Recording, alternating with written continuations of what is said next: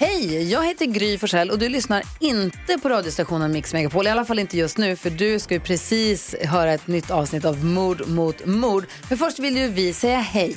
Hej, hej, det här är NyhetsJonas. Det här är Carolina Widerström. Och här är Gullige Dansken. Ja, och så Gry då. Och det vi vill säga att när du har lyssnat klart på den här podden, då får du gärna lyssna på våran. Vi spelar in ett nytt avsnitt varje morgon av våra podd Kvartsamtal. Och hela radioprogrammet blir ju också en podd om man är väldigt morgontrött eller så. Just det, om man missar morgonen ja. Men mest av allt så får du gärna lyssna på programmet i direktsändning varje morgon på Mix Megapol. Live varje morgon från klockan sex och då har vi med oss massor med vänner också. Thomas Bodström, Babben Larsson, Johan Pettersson, Christian Luuk. Massor med coola människor som bara dyker upp och gör livet bättre. Ja, som jag, Gullige Dansken. Exakt så. Och så mycket bra musik och annat skoj såklart. Så vi hörs när du vaknar på Mix Megapol. Podplay. Trädgårdsmästaren bestämmer sig så här, vi måste ringa polisen för det är någonting som inte stämmer. Liksom, och innan vi gör någonting mer så låt oss kalla på professionell hjälp. Men när han då lyfter på luren så inser han så här, det är ingen ton i telefonen, det går inte fram, det är helt tyst. Och det är då för att någon har klippt telefonledningen till huset. Det läskigaste man vet. Alltså det är verkligen det läskigaste man kan tänka sig.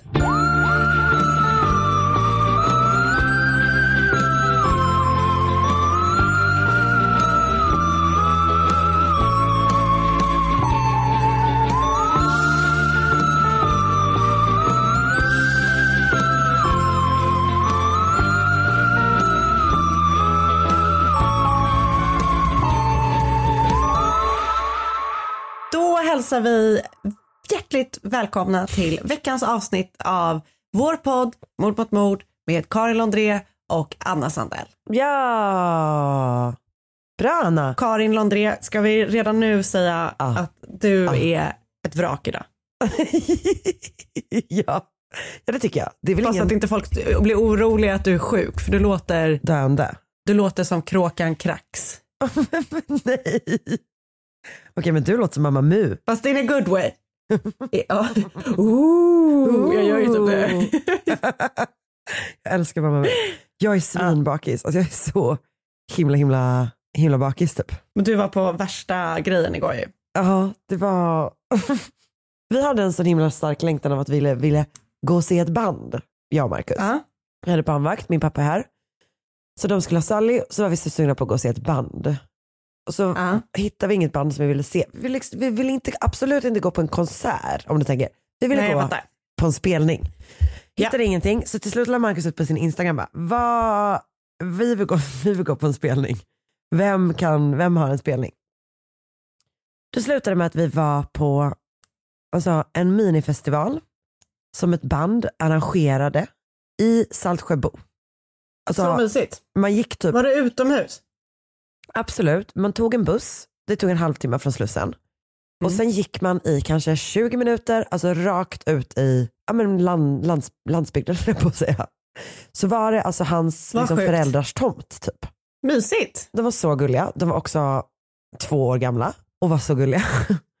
och du vet, gulliga på det här sättet att de typ ändå styr en bra fest. Typ. Att de är så här, den här snubben blandar jättegoda drinkar. Typ. Så var det en Gud, kille som hade sin lilla drinkbar där. Typ. Det var väldigt härligt men Så nice. alltså, jag drack uppenbarligen alla hans drinkar. Det gjorde du helt rätt i. och nu är det, ja, det är svajigt idag men jag kämpar på. Jag kämpar på. Ja. Hur mår du Anna? ja, men jag mår bra. Jag mår jättebra. Jag är helt sinnessjukt trött. Så att jag känner som en typ, lite sympatibakis med dig. Men jag, annars Tack. mår jag superbra. Vi ska gå eh, till Skansen sen idag för det ska bli fint väder. Mysigt. Ja, Oskars mamma är i stan så att, eh, då ska vi eh, ut och upptäcka så att säga. Det låter ju underbart. Ja. Ut, Det blir upptäcka Skansen.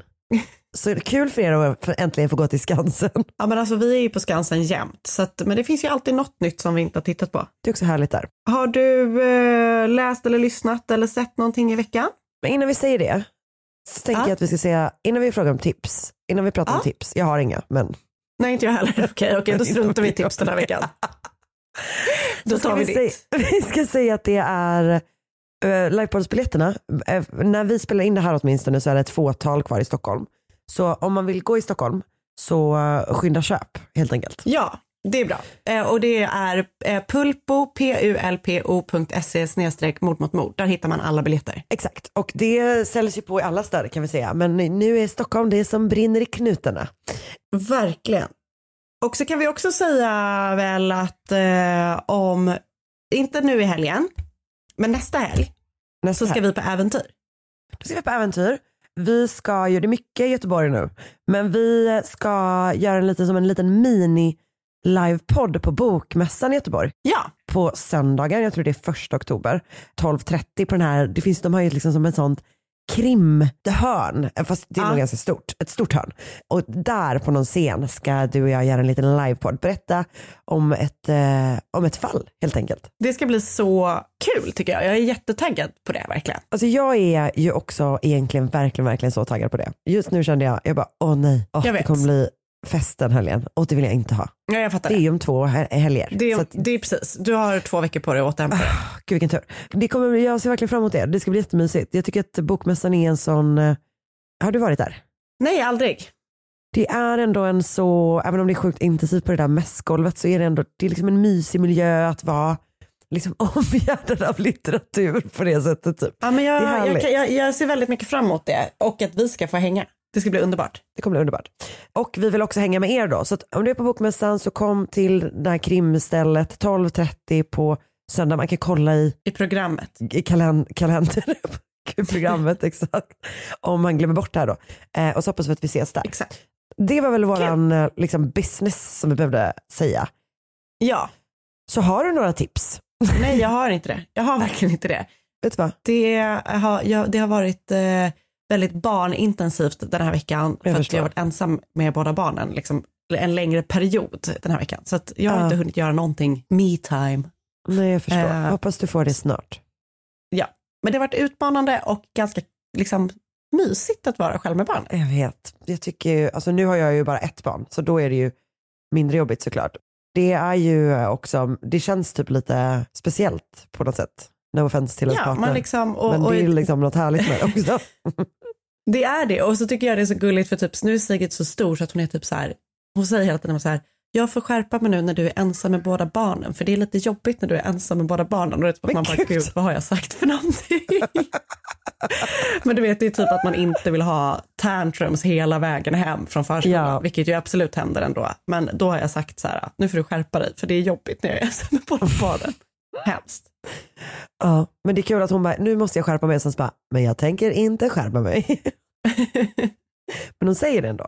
Det är gulligt. Det är gulligt. Men du, vet du vad? Nu när du har haft din jobbiga Mm. vecka där du har varit ensam med båda barnen, då ska jag verkligen ta och skärpa mig och sätta igång den här podden med dig. Bra, då kör vi. Då kör vi.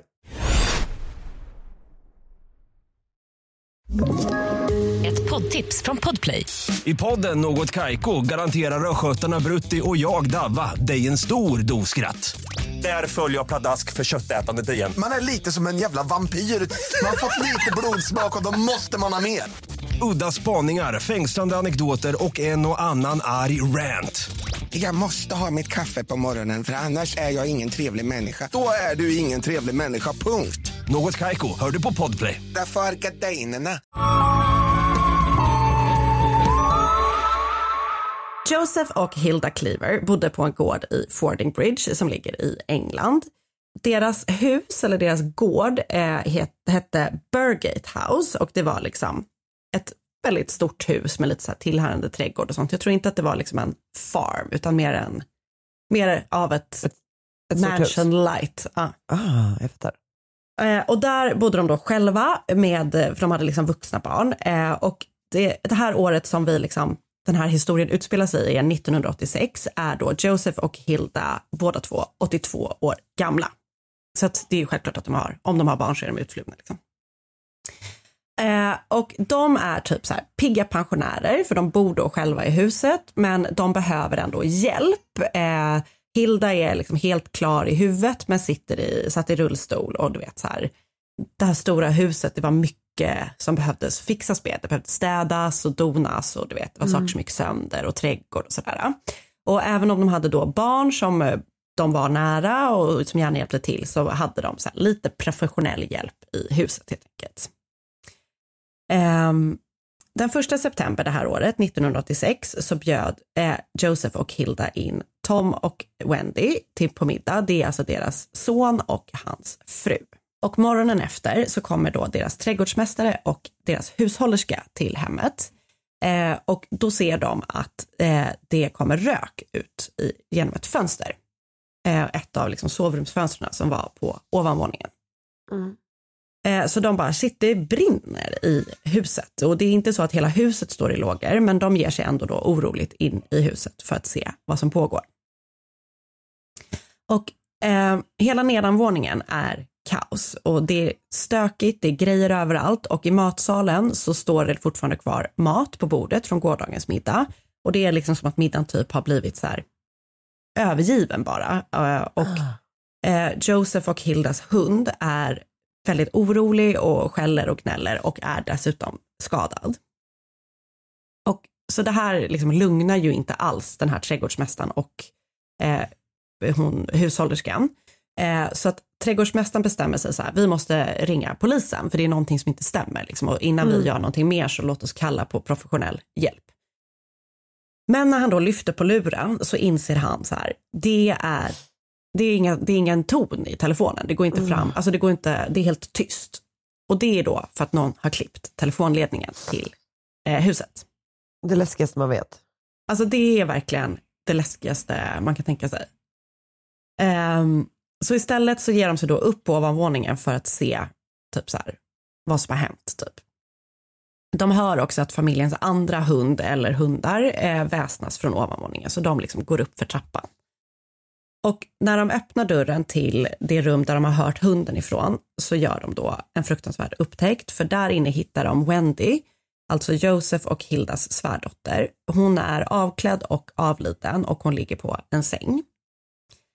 Eh, de ser sen att det då brinner, att det kommer rök från Joseph och Hildas sovrum.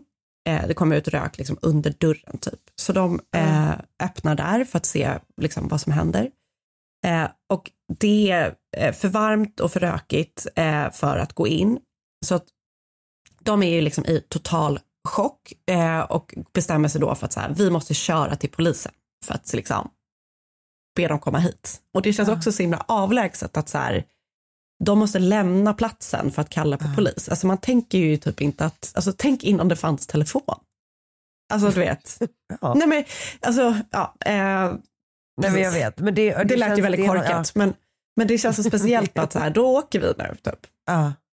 Jättekonstigt. Ehm, Så polis och brandkår kommer då till Burgate House och de släcker elden och polisen och ger sig in i huset. Liksom. Det visar sig då att i rummet där det har brunnit, eh, det har blivit dränkt med bensin och sen blivit liksom påtänt. Eh, Men det har inte övertänts så att man kan liksom, du vet, det är inte så att det är helt utbrunnet utan branden har typ inte riktigt tagit sig. Det har brunnit men, men inte sådär helt sjukt som det kan göra om du vet, det är en bensin, ehm, bensineld helt enkelt. Så inne i rummet upptäcker man då också Joseph, Hilda och Tom, alltså deras son, och även den, deras sjuksköterska Margaret Mur- Murphy som bodde hos Joseph och Hilda på heltid. De har alla fyra blivit bundna och fått munkavle innan då någon har hällt på bensin eh, och tänt på. Eh, vissa saker saknas i huset, så polisen arbetar då efter teorin att det är eh, ett rån som har gått överstyr. Däremot så kan de då se att eh, den eller de som har brutit sig in har missat Joseph och Hildas kassaskåp som är gömt i huset. Eh, De har också missat att Tom, som är då Joseph och Hildas son, eh, har 700 dollar i sin benprotes. För han har då några år tidigare varit med om en bilolycka och tragiskt nog då förlorat sitt ben i olyckan. Eh, Men efter det, då, när han har fått den här benprotesen, så har han tydligen förvarat kontanter i protesen för att om han någon gång skulle bli rånad så skulle de liksom inte hitta pengarna. Gud. Så smart. Ja, det är så smart eh, och så sorgligt liksom att man bara hittar ett användningsområde som man inte hade Ja. tänkt sig. Men, och, då har, och mycket riktigt då så har ju de inte liksom hittat de här pengarna. Det är väldigt sorgligt att då liksom tänka att det är fem personer som har fått sätta livet till För det rånarna har fått med, inte för att det hade varit liksom mer befogat att de fick göra det om rånarna, rånarna fick med sig ett större byte, om du förstår, så, så missförstå mig rätt när jag säger det här. Men eh, de har bara fått med sig, du vet så här, en tv, en videospelare, lite kontanter, det är typ 90 pund. Eh, och du vet, det, alltså de har fått med sig inte Lite så mycket plock, grejer. typ. Lite plock, exakt. Ah. Och det är bara så hjärtskärande att det är liksom, ja, verkligen är fem personer som fick dö för att de här människorna, eller rånarna eller rånaren, då har, ja, det är så sin jäkla sorgligt. typ. Ja. Det finns inga tecken på att någon har brutit sig in i huset och det är som sagt eh, som om hela det här sällskapet då har blivit avbrutna mitt i maten. Eh, så att polisen är bara så här, okej, vem har gjort det här liksom? Polisen går igenom familjens hus, eller Joseph och Hildas hus, och där hittar de en tidning som ligger i Josephs arbetsrum, där de kan se att paret har liksom satt in en annons eh, om att de behöver mer personal till, eh, hem till dem. De hade en sjuksköterska som bodde hos dem på heltid och en man som tog hand om trädgården och en som städade och tvättade och tog hand om huset och sånt. Men de tyckte då att de behövde någon ytterligare som eh, kunde laga mat åt dem och en hantverkare som kunde ta hand om huset och typ allting som gick sönder och sådär. Mm. Eh, så att de har då satt in en annons i tidningen eh, och de har fått in många ansökningar och polisen hittar en brevkorrespondens mellan Joseph och den man som de till slut valde att anställa tillsammans med eh, den här mannens fru då. Så det var alltså ett gift par som fick flytta in i ett litet hus på eh, Burgett House-marken. Liksom. Det här paret var George och Fiona Stevenson och de har, eller Stephenson, alltså det här gör mig förvirrad när någon heter Säkert alltså, Stevenson. Ja, bra, tack. Eh, de hade då träffats hösten innan, alltså hösten 1985 och blivit så blixtförälskade och gift sig efter bara två veckor. Jag vet inte varför jag sa det med sånt självförtroende, jag har ju ingen aning. Men för att du, du vet att du vet, alltså Steven är ju? STE, ja exakt. Mm. Jag tror ändå att det är Stevenson, men jag vet bara inte varför. Jag varför tänker jag också in att det är med det. sån, sån svung liksom. Ja. i det. Bra, då tänker vi samma. Bra. Eh, och de har då gift sig efter bara två veckor och sen har de haft då ett eh, minst sagt stormigt äktenskap och eh, de söker till slut då till det här jobbet tillsammans hos Joseph och Hilda och de hinner knappt flytta in och påbörja sin tjänst innan någonting händer i deras relation. För det är liksom, det är stormigt, deras äktenskap och det är absolut inte i någon positiv bemärkelse. Eh, George misshandlar Fiona vid eh, jämna, eller med liksom jämna mellanrum. Så det är Eh, mer än stormigt. Det är, det är mer än stormigt. Alltså det, är, frukta- det, är fruktansvärd fruktansvärt. Ja, det är alltså abusive relationship. Verkligen. Ehm, och eh, vid något tillfälle efter att de har flyttat in hos Joseph och Hilda så slår han henne så illa så att hon liksom bara är så här, nej nu räcker det. Alltså nu bara drar jag. Jag tänker inte ta det här mer liksom. Så hon liksom lämnar honom helt enkelt och flyttar ut från det här huset. Och när Joseph och Hilda har förstått vad då som har hänt mellan de här två, eller vad, vad snarare vad George har utsatt eh, Fiona för, så bestämmer de sig för att de vill inte ha kvar honom som anställd längre. Eh, de vill inte ha liksom, en våldsam kvinnomisshandlare hemma hos sig, vilket ju är Nej. självklart. Så de ger honom sparken. liksom. Och polisen är då så här, ja men låt oss då prata med George för att han, utöver då att han har arbetat hos dem så har han då också en kriminell historia. Så de åker hem till eh, hans liksom last known address och där hittar de då mycket riktigt Joseph och Hildas tv, videospelare och lite andra saker från deras hem. Men George är liksom inte där. Så polisen går ut med en efterlysning i hela landet, eh, du vet, i alla medier efter både George och Fiona. För, eh, och Fiona då kontaktar polisen och säger så här, jag eh, gömmer mig från min man, eller liksom soon to be ex-husband, för att Mm. han misshandlar mig. Eh, jag har ingenting med det här att göra, men jag är helt övertygad om att han absolut har kan ha det. Ja Ja. polisen bara okej, det verkar som om vi verkligen är på rätt spår. Och så går det två dagar till innan George kontaktar polisen och överlämnar sig själv. Han säger då att han har sett sig själv i tidningen, men att han inte har någonting med det hela att göra. Ja, det är riktigt liksom att han har arbetat där och du vet så, men han bara, jag har absolut inte gjort det här. Men polisen är helt övertygade om att han har det och de liksom utreder då runt omkring honom och genom utredningen får de reda på att han tillsammans med två andra kriminella bröder, som, den ena heter också George och den andra heter John och de heter George och John Daly. De har då hyrt eh, bil tillsammans och du vet, så här, de, de kan se hur de har rört sig, att allting pekar på att det är de helt enkelt. Även om alla tre då säger att de är oskyldiga så häktas de då för rån och mord på de här fem personerna.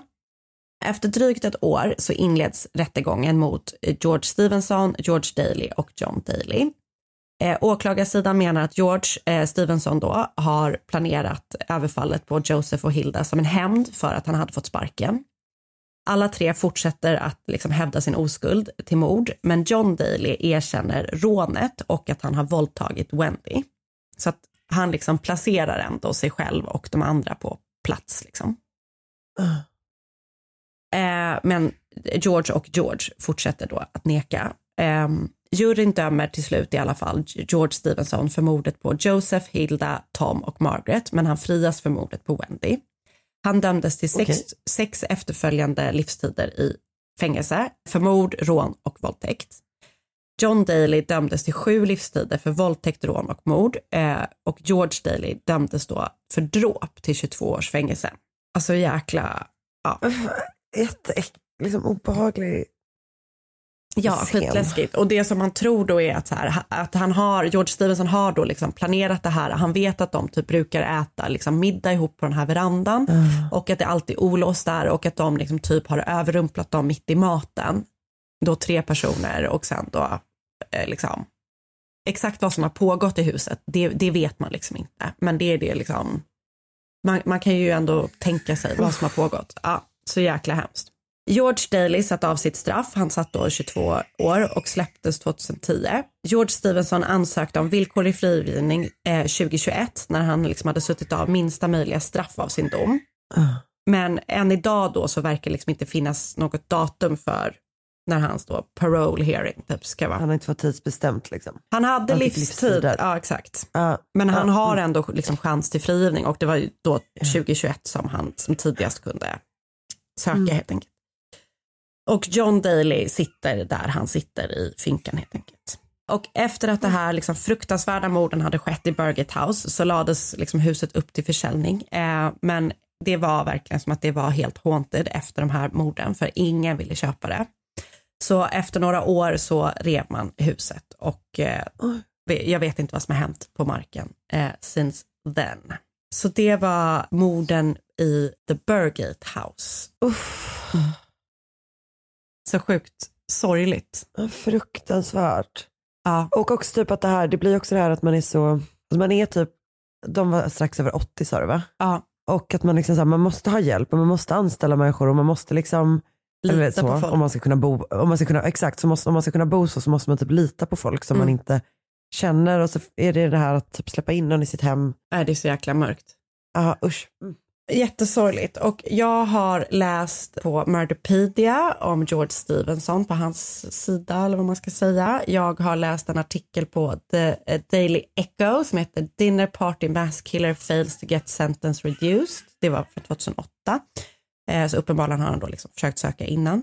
Eh, den är skriven av Chris Jandel och sen så har jag ehm, läst en artikel på också Daily Echo som heter ehm, Public Parole Hearing Bid for Burgett House Murder Rejected skriven av Jason Lewis och sen har jag lyssnat på ett avsnitt av Case File och det avsnittet heter just Burgett House Murders och sen har jag lyssnat på en podd som heter UK True Crime Podcast som heter The Dinner Party. Tack Anna. Tack.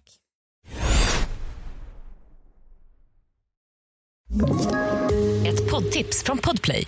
I podden Något Kaiko garanterar östgötarna Brutti och jag, Davva, dig en stor dos skratt. Där följer jag pladask för köttätandet igen. Man är lite som en jävla vampyr. Man har fått lite blodsmak och då måste man ha mer. Udda spaningar, fängslande anekdoter och en och annan arg rant. Jag måste ha mitt kaffe på morgonen för annars är jag ingen trevlig människa. Då är du ingen trevlig människa, punkt. Något Kaiko, hör du på Podplay. Därför är gardinerna. Joa Bamise Ayanole var yngst av tio syskon i sin familj som bodde i liksom utkanten av Lagos i Nigeria. Och hennes mamma hette Comfort och hennes pappa hette Josef och han var pastor. Och Bamise som hon kallades och som jag också kommer kalla henne eh, under den här historien föddes år 2000 och blev liksom Alltså hon var Mm. verkligen, hon var yngst av alla i den här ändå väldigt The stora baby. syskonskaran. Så jag tänker att Mm. hon verkligen var så allas, allas, ja men lite så, exakt. Hon var minstingen. Och hon var väldigt nära sin familj och, dess, och så var hon så här, hon var typ troende, ordentlig, smart. Alltså hon var väldigt, väldigt uppskattad av sin familj. Hon var en, typ en väldigt så bra Mm. syster som typ hjälpte sina syskon mycket och åkte och hälsade på dem och du vet sådär. Eh, men det var inte bara i familjen som hon var väldigt omtyckt utan hon hade också väldigt mycket vänner och hon var liksom, hon var lätt att tycka om. Typ så.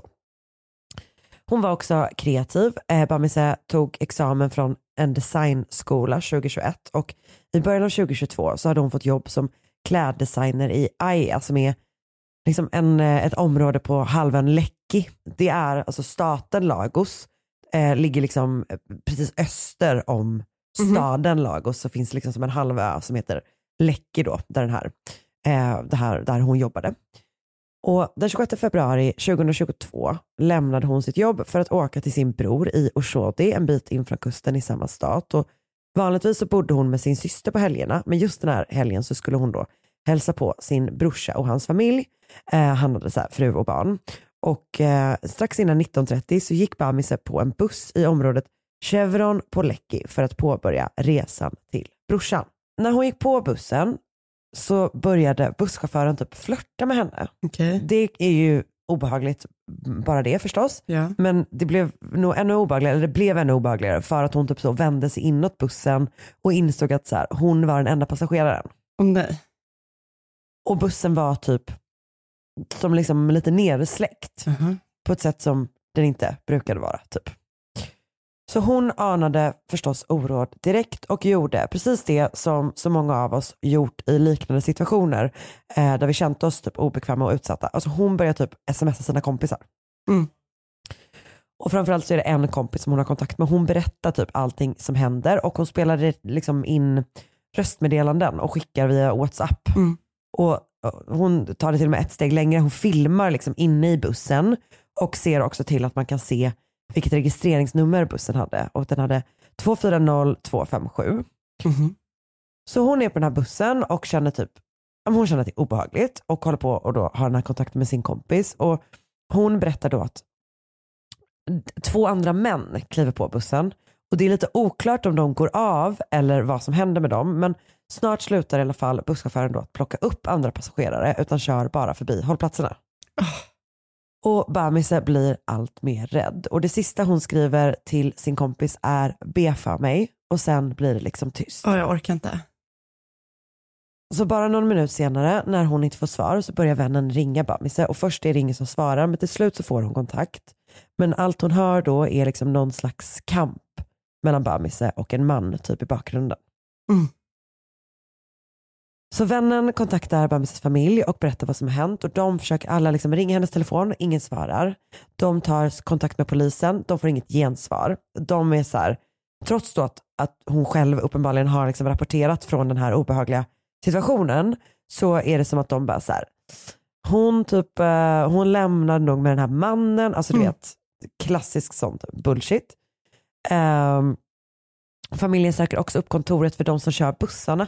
De heter BRT de här bussarna och det är liksom en statlig, det är en vanlig kollektivtrafikverksamhet, statligt ägd sådär. Ehm, men där får de inte heller någon hjälp alls utan det dröjer 48 timmar innan någon börjar ta familjens eh, saknadanmälan på allvar. Sen tar det ytterligare flera dagar innan man den 7 mars hittar eh, Bamises eh, kropp vid sidan av vägen vid Carterbron som binder samman Lagos Island med fastlandet. Och till slut så griper polisen mannen som körde bussen. Han har då flytt till Ososa i Ogun-staten, eh, ligger nordöst om Lagos, och där försökt gömma sig i ett hus hos en bekant. Men när polisen kommer dit så erkänner han då sin inblandning i mordet på Bamise. Han heter Andrew Nice och min Nicoron och är 47 år gammal. Han säger då att han har våldtagit henne och sen lämnat henne vid sidan av vägen. Mm. Men han kommer snart att ändra sin historia och säger istället i förhör att hans buss har blivit kapad Okej. av de två män då som Bamise har nämnt till sin kompis. Han säger att de hotade honom med vapen och sa att de skulle döda honom om han inte gjorde som de sa. Och han blev så rädd att han liksom bara beslöt sig för att lyda. Alltså han fick panik och var så "Ah, jag får ju bara göra det här. Typ. Så hans brott var helt enkelt att han såg vad som hände med Bamise men gjorde ingenting för att rädda henne av rädsla för sitt eget liv. Typ. Okej. Och du vet han säger någonting om typ det sista han ser, typ att hon jag förstår inte riktigt, jag tror att han då, de har kapat honom, jag tror att hans historia är att de har kapat bussen och sen kört någonstans, fått honom att köra någonstans, där tagit av henne liksom, och att han har kört iväg med bussen igen. Typ. Så att han, jag- som jag tolkar det så är det som att ser är att hon typ försöker hålla sig fast typ, i en sån stolpe i bussen, typ, att de typ sliter av henne. Liksom. Men- Ehm, och det här fallet blir väldigt, väldigt omskrivet i Nigeria. Inte minst för att det händer på en plats där kvinnor liksom ska kunna känna sig säkra. Mm. Alltså i lokaltrafiken på en buss, det är så här, det ska vara typ det alternativet man tar för att vara säker, om du förstår. Mm. Ehm, men inte ens där då kan staten typ garantera sina kvinnliga medborgares säkerhet. Och det här gör då att bilder på både Bamise och Andrew sprids väldigt så brett i både medier och sociala medier. Och snart känner fler kvinnor igen honom. För Aha. minst två kvinnor tar kontakt med polisen och berättar att de har varit med om liknande saker med Andrew på hans buss eh, bara månader innan Bamises död. Så det som har hänt är helt enkelt här, de, har, de berättar liknande historier som hennes börjar då, att de har gått på hans buss, du vet, han har flörtat med dem, eh, insett, de har insett att de har varit ensamma, att bussen har varit nedsläckt och att han har slutat stanna på andra hållplatser. Vilket så här, det här scenariot, får Mm. eh, panik. Mardröm. Alltså det är verkligen, Ja. Och det är typ för att alltså, man vet exakt, eh, man känner typ igen de känslorna som de Ja. måste ha känt. Liksom. Mm. Att det måste liksom ha eskalerat, att man är så okej men han är lite creepy, Mm. sen bara okej jag är ensam på bussen eh, och typ han har stannar börjat inte. släcka ner Ja. nu. Han stannar inte. Alltså det, är liksom, det är den här eskalerande paniken och Mm. insikten att så här, jag kommer inte härifrån. Typ. För han kör Nej. den här bussen och jag kommer inte ut. Liksom. Nej. Men han eh, har typ börjat flirta med dem, varit så här, ska du inte sitta här framme typ, sitta hos mig istället. Och när de, mer eller mindre diskret, så som man gör för att man är rädd att en man ska bli arg när man, av, Mm. när man avvisar honom, så har han då, alltså de har försökt vara så här, typ nej jag måste hem, typ mina föräldrar väntar på mig, sådana Mm. saker. Och sen har han då, när de har avvisat honom, blivit just arg Mm. Och eh, liksom börjat då tvinga sig på dem. I ett fall så har han hotat kvinnan med kniv. Eh, I det ena fallet så lyckas kvinnan fly, men bara efter att han har tvingat sig till hennes telefonnummer och du vet, gjort sådär att han, han har liksom ringt numret för att kolla så att hon har gett honom rätt nummer. Men gud. Vilket när man tänker på det är alltså helt absurt. Det jag har varit med Jag om det. säga, det har, ja exakt, Ja. det har man ju varit med om. Alltså fattar du hur obehagligt det är? Ja, men, och att ni hade gett fel nummer, hur pinsamt det var. Ja, jag vet. När det inte ringde. Att det kändes så pinsamt för Ja. dig. Inte Exakt. att han var så här, nu ska jag försäkra mig om att du som inte vill ge mig ditt nummer, Har gett mig rätt nummer. Ja, Nej, det är helt jävla galet. ja, ja det är verkligen det. Han har sagt, men okej men då får du ge mig ditt nummer. Och han har ringt och kollat så att det liksom stämmer och sådär. Sen har hon, som jag förstått det, liksom lyckats fly typ. Mm. I det andra fallet så avslutas det med att han, liksom, han har typ, han har förgripit sig på henne med kniv under, under knivhot och sen när han liksom är klar då så har han kört henne hem med bussen och där har han eh, bett om att få hennes typ kontonummer. Sen har han satt över pengar på det för att, alltså vad han själv säger är att han, det är för att betala hennes värktabletter. Okej. Vilket är så fruktansvärt obehagligt. Att det är som att han vet Mm. om att han har gjort Mm. något fruktansvärt mot henne och är så här, här typ du får pengar för att köpa värktabletter eftersom jag har gjort det här mot dig. Det är så jävla vidrigt. Ja. Och när hon då har hört vad som har hänt Bamise så kollar hon sitt kontoutdrag och kan då se att det är just den här Andrew som har satt över pengarna. Och på samma sätt så kan den andra kvinnan spåra de här samtalen som hon har fått, att det är hans, liksom, det är hans nummer som har ringt. Typ. Rättsprocessen mot Andrew har pågått sedan typ förra sommaren och pågår fortfarande. Och åklagaren har då lyft fram kvinnornas vittnesmål som bevis på att han är en serievåldtäktsman. Själv då verkar det som att han står fast vid sitt påstående om busskapning och samtidigt som det här händer så har människorättsgrupper och civila och typ Bamisses anhöriga krävt rättvisa för henne och påtalat just hur hon inte skyddades av sin stat när hon reste på ett statligt ägt fordon. Och man har du vet, bland annat börjat kräva så här, övervakningskameror på bussar och även typ bakgrundskontroller av anställda för det har liksom inte varit in place helt enkelt. Nej. Och dessutom så protesterar man mot den långsamma rättsprocessen. Och jag vet Ja. inte, det verkar som att det, det kom någon nyhet innan sommaren som gör att det verkar som att det är igång. Men jag vet inte om det är en rättegång som är, jag förstår du vad jag menar liksom. Eh, det är oklart vad för rättslig process som pågår. Men i juli i år, 500 dagar efter mordet på Bamise och nästan lika många med en då anhållen misstänkt gärningsman så kallade The Committee for the Defense of Human Rights till en fredlig protest. Och i sitt pressmeddelande så ställde de följande fråga. If Bamise was to be the daughter of a governor or daughter of a senator or daughter of a member of the house of uh, the assembly, will this case be dragged this far? För de menar så här, han sitter där typ, han har erkänt, även om han drog tillbaka, så är det ändå Mm. så här, hur kan det liksom inte gå snabbare? Typ? Nej. Hur kan det här Det fallet då inte vara så superprioriterat? Liksom? Mm. Det var mordet på Oluwa Bamise Ayanole, eh, ett fall då som har blivit super, super uppmärksammat i Nigeria och som eh, inte är helt avklarat. Liksom. Och de här två männen som eh, då finns nämnda, de är inte hittade, de är inte identifierade eller sådär. Liksom. Nej. Och som sagt, det här är en man som har gjort liknande saker innan. Den här gången fick det bara Mm. tyvärr dödlig utkomst. Liksom. Åh, usch vad hemskt. Jag har läst flera nyhetsartiklar på Sahara Reporter som inte har någon byline. Jag har läst på People's Gazette av bland andra Adebola Ajayi på Vanguard Nigeria. Eh, jag har läst Sodiq Oyeleke för The Punch och sen så har jag också lyssnat på poddarna True Crime Africa och Yellow Tape som har gjort avsnitt av det här och även förstås eh, Wikipedia. Mm. Tack Karin, det var väldigt hemskt och obehagligt. Jag vet. Eh, det, var, hela den här situationen var som att den liksom Mm. satte sig i mig. Got to you. Ja, verkligen. Då hörs vi igen nästa vecka. Det gör vi verkligen och glöm nu inte att gå in på pulpo.se eh, snedstreck mord mot mord och eh, där finns det biljettlänkar till Norrköping, Malmö, Stockholm, Uppsala, Örebro, Göteborg. Det stämmer. Ha det bra tills dess. Och så hoppas vi helt enkelt att vi ser, träffar några av er på Bokmässan med. Ja. Hej då! Hej då! Podplay, en del av Power Media.